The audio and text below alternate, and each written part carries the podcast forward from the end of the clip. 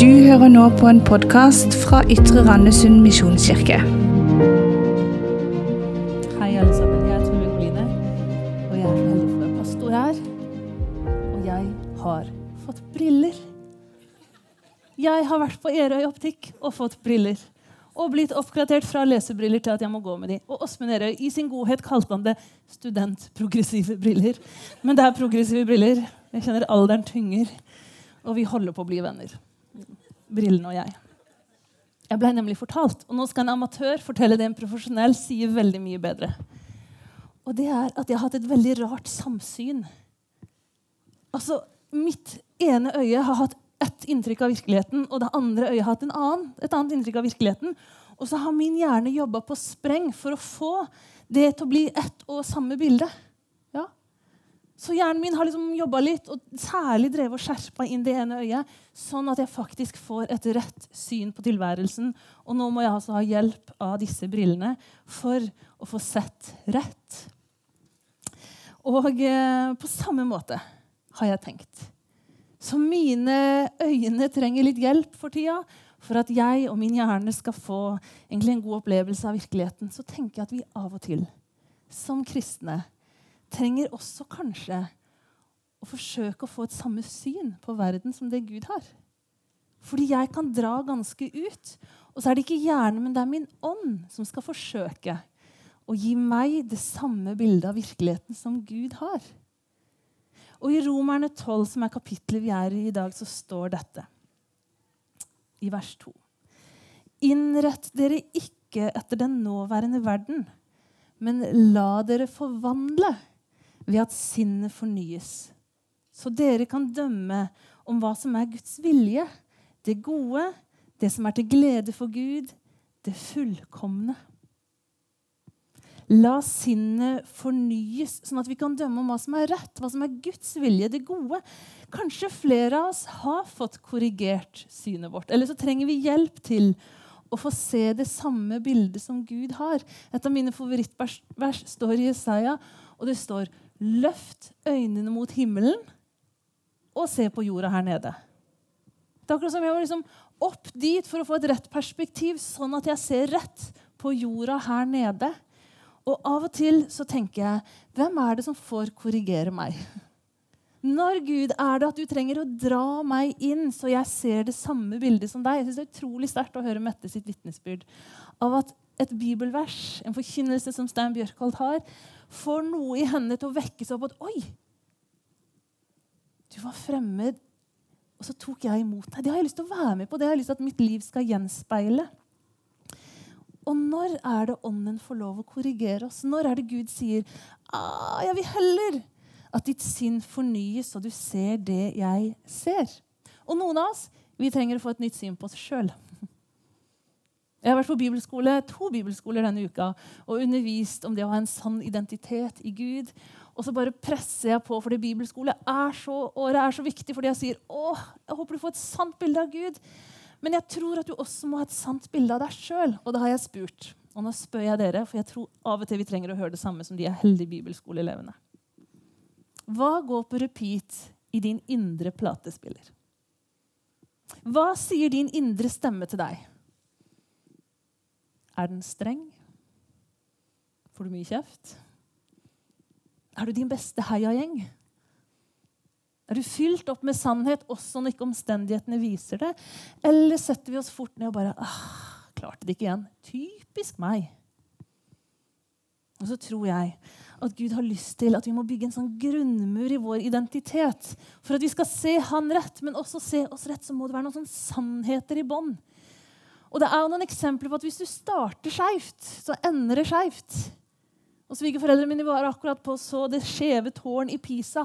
Og det er veldig imponerende at et tårn kan bli så skeivt. Og de begynte jo veldig ille. Og så ble jeg fortalt at når de kom til liksom andre tredje etasje, så prøvde de å rette opp, men det var jo for seint. Det tårnet er, og det blir skeivt. Det blir visst bare skeivere. Hva er det jeg har trodd om meg selv, som jeg har valgt å tro og valgt å bli en sannhet i livet mitt fra jeg var barna, som jeg trenger å bytte ut fordi det blir så skeivt? Det blir ikke godt, det jeg til slutt tenker og sier om meg selv, verken til Gud eller til mennesker. Når er det at jeg trenger å få korrigert synet mitt på meg selv, sånn at det blir sant? Hva er det Gud kan få lov til å putte inn på din indre platespiller som blir sant, og som blir godt, og som gjør at du får lov til å stå oppreist? La sinnet fornyes. La det forvandles. Og jeg liker at det står 'la det skje'. Det står ikke 'skjerp deg', jobb med sakene. Kom igjen, da, tenk rett. Men det er akkurat som det står at hvis jeg lar meg utsette for Gud, hvis jeg lar meg utsette for Hans ord, så skjer det en forvandling, så skjer det en fornying. Og En annen sånn fornyelse eller en sånn korreksjon da, som jeg har opplevd i mitt trosliv i det siste, det er at Gud har minna meg på at Gud er Gud, og jeg er bare et menneske. Det tenker du burde være gamle nyheter også for en pastor. Men vet du, det har blitt litt nytt for meg at Gud ikke er en jeg kan skape i mitt bilde. Men det står i første Mosebok at Gud skapte oss i sitt bilde. Gud er ikke en jeg kan forme etter min smak og mitt behag eller min dagsform eller der jeg er. Nei, han står fast. Han er evig. Han er irriterende lite avhengig av meningsmålinger. Han er ikke trendy. Han er ikke ustadig. Gud er den samme. Sannhetene om hvem Gud er, det står ikke å falle på om jeg forstår dem om jeg liker de, eller om jeg støtter de sannhetene. Men de står fast. Gud er Gud, og jeg er bare et menneske. Og Gud er alltid mer. Og min erfaring, som jeg holder på å vokse i, er at han er mer nådig. Han er enda mer god. Han er enda kjærligere, og han har mer tålmodighet enn jeg kan fatte og begripe. Innrett dere ikke ikke etter den nåværende verden, men la dere forvandle. Hva betyr det? Hva betyr det å innrette seg etter den nåværende verden? Hva kjennetegner vårt samfunn i dag? Det kommer an på igjen hvilke briller du har på, hvilke øyne du ser med. Men blant annet så lever vi i et veldig individualistisk samfunn. Hver mann for seg. Og vi er opptatt av at den enkelte skal lykkes, både på godt, men det kan også være en veldig ensomhet i det. Vi lever i et ganske følelsesstyrt samfunn, hvor det er viktig at du kjenner deg bra, at du trives der du er, og at du følger magefølelsen. Og så står en såkalt toleranse veldig, veldig høyt. I et samfunn der allikevel er ganske mange logiske brister, vaklende verdier og en del blindspor på gang. Og nå mener jeg ikke å svartmale tida vi lever i.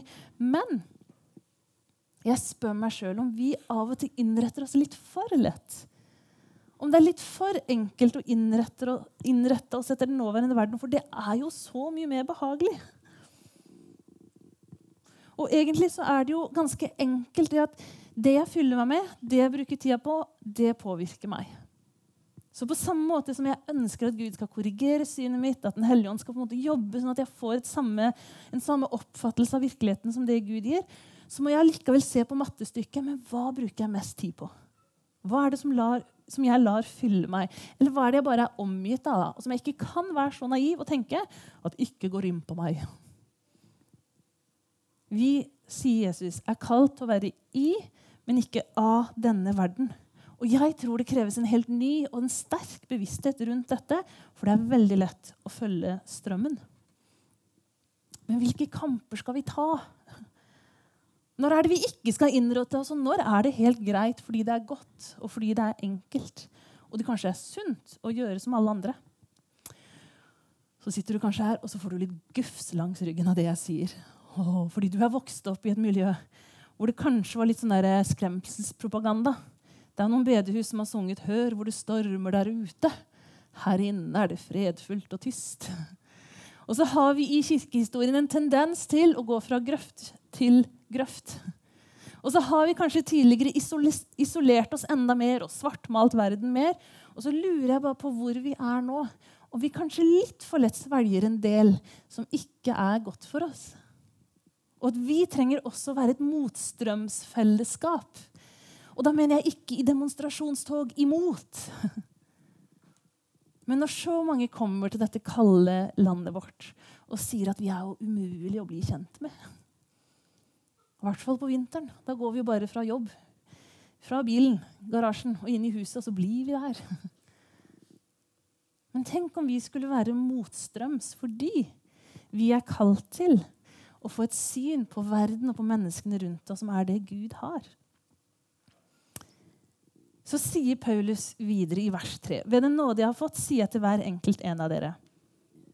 Tenk ikke for store tanker om deg selv, men tenk sindig. Hver og en skal holde seg til det mål av tro som Gud har gitt ham. Vi har én kropp, men mange lemmer, alle med ulike oppgaver. Og på samme måte er vi alle én kropp i Kristus, men hver for oss så er vi hverandres lemmer. Og vi har forskjellige nådegaver, alt etter den nåde Gud har gitt oss. Den som har profetisk gave, skal bruke den i samsvar med troen. Den som har en tjeneste, skal ta seg av den tjenesten. Den som er lærer, skal undervise.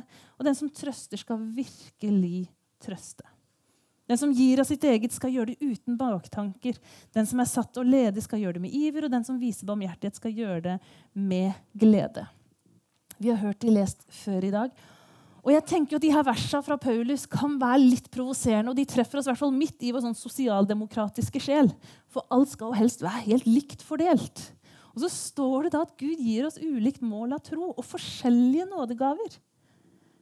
Og uten at vi skal begynne å dra inn noen sånn jantelov, så er det altså en god omsorg Paulus forsøker å gi når han sier gjør deg ikke for store tanker om deg sjøl. Usikkerheten har det til felles med arrogansen at den overdriver sin egen betydning. Alle ser at jeg ikke hører hjemme her. Og alle ser at jeg er så usikker og aleine i kirkekaffen. Alle må jo se at jeg rødmer, ja, i hvert fall inni meg. Og så kan vi bli ganske selvopptatte i vår egen usikkerhet og mer opptatt av oss sjøl enn andre. Jeg var tenåring og grua meg til å begynne på ungdomsskolen, for da skulle vi begynne å ta buss. Og det var ganske mye nerver og hormoner i en ung tenåringsjente som jeg da til slutt letta til mine to omsorgsfulle storesøstre. Jeg gruer meg så til å gå på den bussen. Alle kommer til å se på meg. Og så fikk jeg litt tough love, som du ofte får av søstre. Og så sa de vet du hva, Tobi, ingen kommer til å se på deg når du går på den bussen. For alle er egentlig mest opptatt av seg sjøl. Og vet du hva, Det har egentlig vært en sånn sannhet og et slitesterkt råd å ta med videre. For når jeg blir for selvbevisst eller usikker og opptatt av hva folk tror og mener om meg, så er sannheten at de fleste er egentlig mest opptatt av seg sjøl. Og så sier Paulus at vi skal få lov til å både være trygge i det vi har, og forsone oss med det vi ikke kan, og det vi ikke har. Vi skal være forskjellige. Ikke blåse opp vår egen viktighet, men se ikke smått på den du er.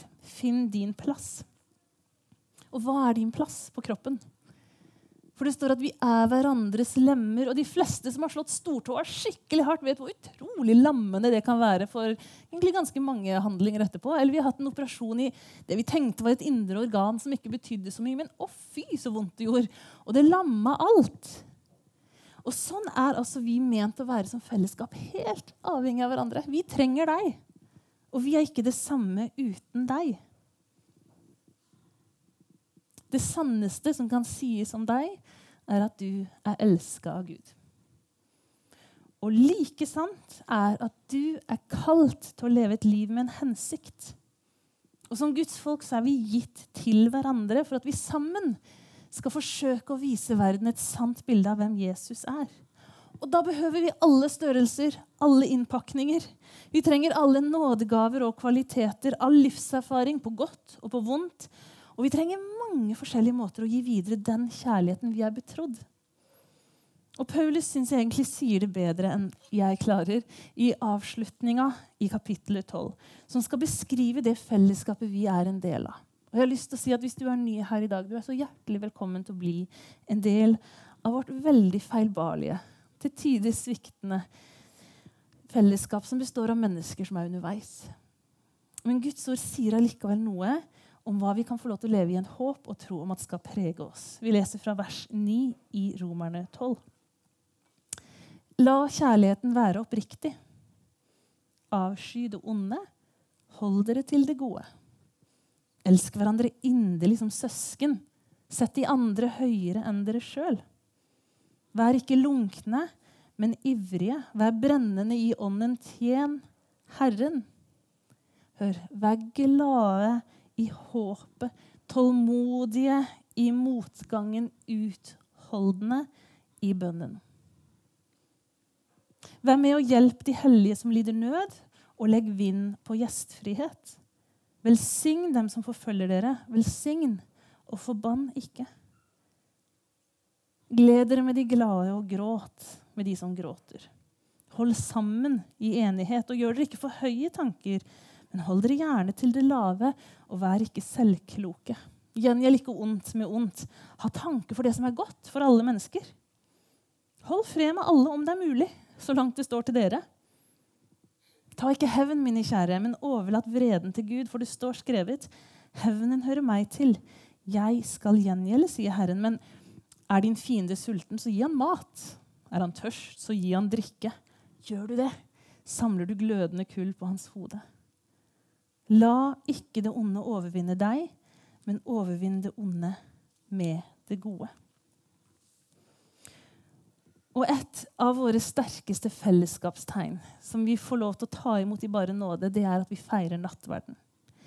Et måltid hvor vi både minnes det Jesus har gjort, og så har vi også en forventning til det måltidet vi en dag skal feire i himmelen sammen med alle de hellige. Og dette er ikke et premiebord med belønning for deg som har gjort en lang og tro tjeneste. Dette er et nådespor her spørres det ikke etter verken nådegaver eller gode gjerninger siste uka. Om hvor utholdende du har vært i bønnen, eller hvor mye du kjenner deg igjen i det Paulus oppmuntrer oss til. Men her kan vi få lov til å komme og ta imot. Og så står det at vi skal la Jesus få del i oss. Og så tar vi også del i det Jesus gjorde for oss, og så forkynner vi hans død og oppstandelse.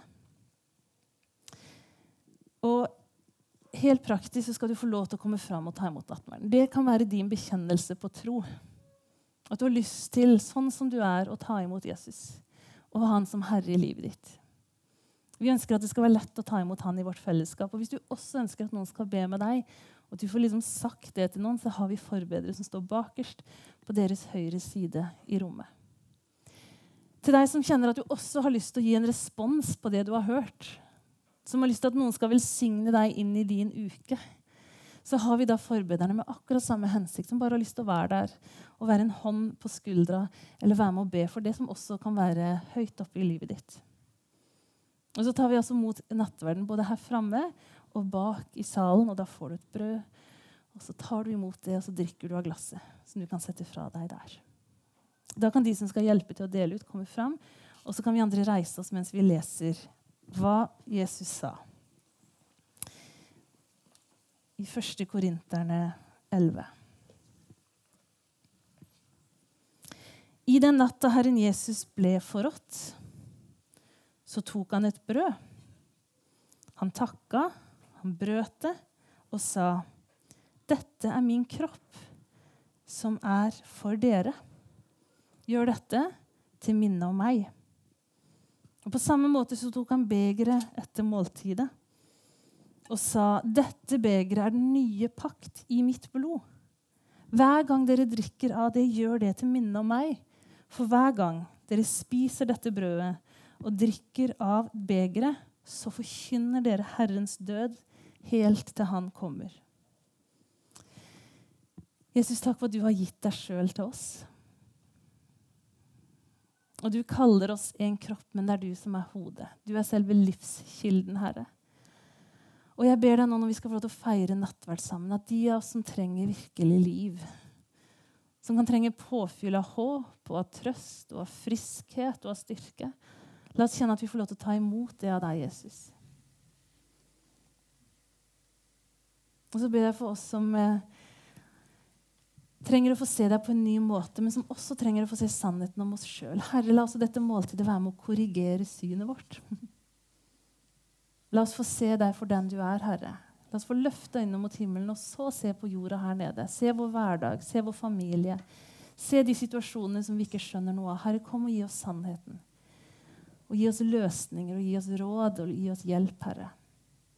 Takk for at du med din ånd har lyst til at vårt sinn stadig skal fornyes så vi ser det du ser. Og takk, Jesus, for ditt offer som førte deg opp på korset og inn i døden. Men takk for at døden ikke kunne holde deg. Takk for at du ble til liv for oss. I Jesu navn. Amen.